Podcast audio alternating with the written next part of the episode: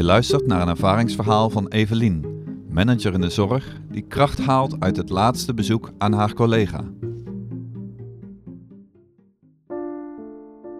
Het is donderdagmorgen. Ik ben onderweg naar Anthony. Ik denk aan een half jaar geleden, toen we elkaar leerden kennen. Ik 25, net begonnen als manager, zij 51 en ervaren manager. Ze werd ziek. We hebben drie maanden samengewerkt en ik ga nu afscheid van haar nemen. Ik heb slecht geslapen. Ik zie er tegenop. Ik heb nog nooit afscheid van iemand genomen voordat hij doodgaat. Ik kom binnen.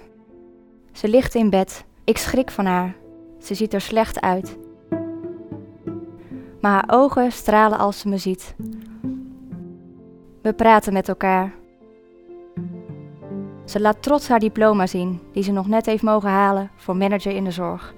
Ik ben trots op haar. Ze vraagt: Evelien, komt er een nieuwe collega voor mij in de plaats? Ik zeg nee, ik ga het alleen doen.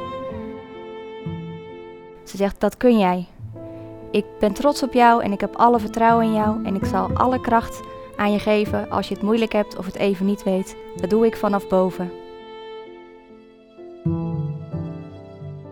En zo nemen we afscheid van elkaar en weet ik dat ze altijd dicht bij me zal zijn.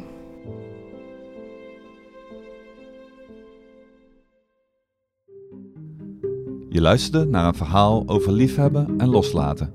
De stichting Hospice Altena, Meizo en Thebe zijn de verteller dankbaar voor het delen van deze ervaring. Benieuwd naar meer verhalen? Kijk op zorgdragers.nl